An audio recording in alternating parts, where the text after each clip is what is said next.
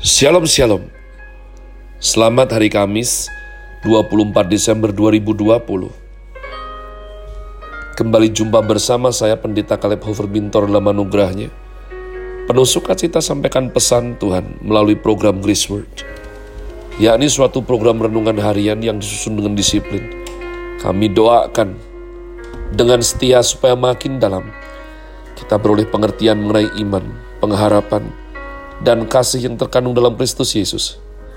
Sungguh merupakan kerinduan saya bagi saudara sekalian, agar supaya kasih dan kuasa firman Tuhan setiap hari tidak pernah berhenti menjamah hati kita, menggarap pola pikir, dan paling utama kehidupan kita boleh terbukti sungguh berubah. Makin serupa kepada Kristus Yesus Kita berada dalam season winter dan tema bulan ini adalah Advancing Word. Hari ini saya berikan judul Doa Bapa Kami bagian yang ke-70. Doa Bapa Kami bagian yang ke-70. Mari kita membuka yakni Matius pasal 6 ayat yang ke-13. Karena engkaulah yang empunya kerajaan dan kuasa dan kemuliaan sampai selama-lamanya. Amin. Kalimat terakhir dalam doa Bapa kami yang diajarkan Tuhan Yesus adalah Karena engkaulah yang empunya kerajaan dan kuasa dan kemuliaan sampai selama-lamanya. Kalimat ini juga bisa diartikan karena di seluruh dunia ini semua kerajaan milik Tuhan semua kuasa dari Tuhan. Seluruh kemuliaan hanya bagi Tuhan sampai selama-lamanya. Kita harus dengan hormat berkata, Kerajaan milikmu, semua kuasa daripadamu, seluruh kemuliaan hanya bagimu, Tuhan Allah kami, pencipta semesta alam, yang juga merupakan Bapa kami yang di sorga. Dalam doa Bapa kami, Tuhan Yesus tidak kompromi. Dalam keseluruhan pikirannya, Allah menjadi pusat, sumber berkat, kebenaran, dan yang menggenapi seluruh rencana kekal alam semesta. Allah kita adalah Allah yang berkehendak, Allah yang berdaulat, Allah yang kehendaknya berdaulat, Allah yang berencana, mencipta, mengatur, memelihara segala ciptaan. Sampai kiamat, sampai kekekalan. Konsep doa ini berbeda sama sekali dengan doa pada umumnya. Doa ini berada di lingkungan atau kondisi di mana Tuhan menjadi pusat kehendak manusia. Sasaran tertinggi dan terakhir dalam tujuan hidup kita biarlah kehendak Tuhan terjadi di dunia ini, seperti di sorga. Ketika kita berdoa, kita berdoa kepada yang kekal, bijaksana, berkuasa, dan memiliki segalanya. Pada saat kita meminta sesuatu dari manusia, ia selalu memberikan berdasarkan kemampuan yang terbatas dan kurang bijak. Namun jika kita minta pada Tuhan, kita meminta langsung dari sumber segala yang diciptakan di alam semesta. Pokok bijaksana dan sumber seluruh otoritas kebenaran. Oleh karena itu, datang kepada Tuhan dan meminta sesuatu kepadanya jauh lebih penting daripada meminta dari manusia.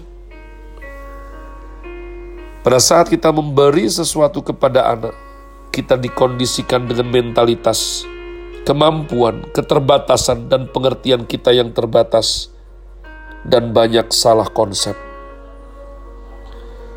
Banyak orang tua saat masih muda miskin sekali. Maka ketika menjadi kaya, mulai berusaha memperbaiki nasib keturunannya. Saya curiga, justru mungkin itu malah yang merusak anakmu karena kekayaan bisa memberikan apa saja. Bagi anak itu terlalu mudah untuk memakai uang membeli mainan dan bisa berbuat apa saja seenak-enak diri sendiri. Mulai timbul efek samping yang tidak disadari orang tua, yaitu anak kehilangan jiwa untuk berjuang. Tidak lagi memiliki pengalaman, berharap dan menantikan sesuatu. Suatu pengalaman mendapatkan sesuatu yang diidam-idamkan. Suatu artikel saya baca mengenai pendeta Fosdick, seorang pendeta terkenal dari gereja terbesar di New York, yaitu gereja Riverside yang dibangun oleh Rockefeller. Beliau berkata bahwa ketika ia kecil, orang tuanya berjanji jika ia naik kelas dengan angka yang bagus, maka akan dibelikan sepeda. Fosdik begitu bersuka cita. Dan ia menghitung masih delapan bulan lagi ia harus berjuang. Maka ia giat belajar. Ia giat berjuang dengan penuh pengharapan. Sabar, sabar menanti untuk bisa mendapatkan sepeda. Di situ selama delapan bulan karakternya dilatih insting berjuangnya ditempa. Fosdik bercerita bahwa ketika akhirnya ia lulus dengan nilai yang baik dan dibelikan sepeda, ia bercucur air mata tidak ada habis-habisnya. Bilang terima kasih Tuhan, terima kasih Papa Mama ketika membawa sepeda itu pulang. Ia mengalami sukacita yang hampir tidak pernah ia alami sebelumnya katanya. Sesudah berkhotbah, beliau bilang demikian. Inilah kekurangan anak-anak sekarang. Karena orang tua sudah kaya, begitu mudah beli apa saja. Uang tidak menjadi masalah. Anak minta apa pun diberikan maka anak sudah tidak lagi berjiwa menanti dan ulet berjuang untuk mendapatkan sesuatu yang bernilai dalam hidup ini. Kelimpahan dan kenikmatan materi telah membuat kita berkekurangan dan miskin rohani. Kita harus melihat dan belajar bagaimana cara Tuhan bekerja dalam hidup kita dan mendidik anak-anaknya. Tuhan membiarkan ada yang miskin, berkekurangan, dan harus bekerja keras untuk mendapatkan sedikit upah. Ini yang kita lihat dari Alkitab. Bukan Allah tidak mampu, bukan Tuhan tidak rela, tetapi Ia tidak mau dan tidak rela memanjakan anak-anaknya, merusak karakternya. Tuhan melatih kita belajar menanti, berharap-harap, berkorban, berletih sebagai modal yang akan diganti dengan tuayan yang penuh sukacita. Jika kita diberi atau diizinkan yang miskin berkekurangan, gagal pada jangka waktu tertentu, jangan mengeluh. Jangan marah kepada Tuhan. Ada rencana Tuhan yang baik bagi pembentukan karakter kita untuk disempurnakan sesuai kehendak Tuhan. Daud adalah orang paling berkenan di mata Tuhan. Daud bukan orang sempurna. Ia punya kelemahan, tetapi sejak kecil mencari dan menanti Tuhan. Daud dilahirkan sebagai anak bungsu, ditekan, dibuli, dianiaya, dihina kakak-kakaknya yang menganggap diri lebih berpengalaman dan lebih mampu dari Daud. Ketika Daud membawa makanan bagi kakak-kakaknya di medan perang, ia melihat Goliat yang besar tampil menjadi penon, penantang seluruh Israel, mengolok-olok Tuhan Allah Israel. Ketika ia ingin melawan, kakaknya menghina dia, menyuruhnya pulang. Daud tidak mau pulang. Ia menanti kesempatan yang Tuhan berikan kepadanya untuk boleh bekerja bagi satu bangsa. Ketika Daud dihina kakaknya, Saul bertanya, "Siapa yang berani pergi berperang melawan Goliat?" Saul satu kepala lebih tinggi dari semua orang Israel dan terlihat rupawan gagah perkasa. Tetapi ternyata ia pengecut. Tuhan membangkitkan anak kecil seperti Daud yang berkata bahwa ia akan berperang dengan orang kafir yang sudah kurang ajar terhadap Tuhan.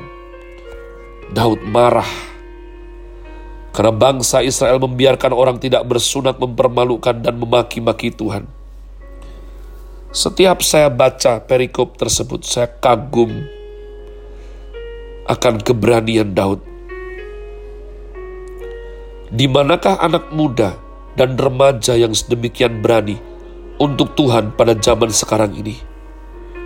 Saya sabar menanti, tidak jemu-jemu meminta, supaya Tuhan membangkitkan anak-anak muda yang akan meneruskan pekerjaan Tuhan yang mulia ini saya ajak semuanya terus berdoa, minta Tuhan menyatakan kehendaknya. Namun terkadang Tuhan menunda atau belum menjawab. Ketika orang memberitahu Yesus bahwa kawannya Lazarus sedang sakit keras, Yesus tidak datang dan tidak menolong sampai ia mati. Ketika orang berpikir tubuhnya sudah mulai membusuk, karena sudah empat hari mati. Barulah Yesus datang ke Betania, menyatakan hadirat dan anugerah Tuhan. Daud juga demikian. Ia dibiarkan mengalami kesulitan, dikejar siang malam, akan diambil nyawanya oleh Saul, melarikan diri, masuk ke padang belantara, sembunyi di goa, merasa bersalah. Orang para imam yang memberi makan kepada dia, semua disembelih, dibunuh oleh Saul. Dia terus harus lari, menghindari, iri daripada Saul yang mau membunuh dia. Daud menulis Mazmur, Aku telah bersabar dan bertekun menanti Tuhanku dan ia menurunkan telinganya mendengar doaku. Saya sungguh berdoa, jangan pernah kehilangan semangat juang dan sayangi cintai anak-anakmu, tapi jangan pernah manjakan mereka. Didik untuk kuat, didik untuk hidup sebagai pejuang kehidupan. Have a nice day. Tuhan Yesus memberkati saudara sekalian. Sola Grazia.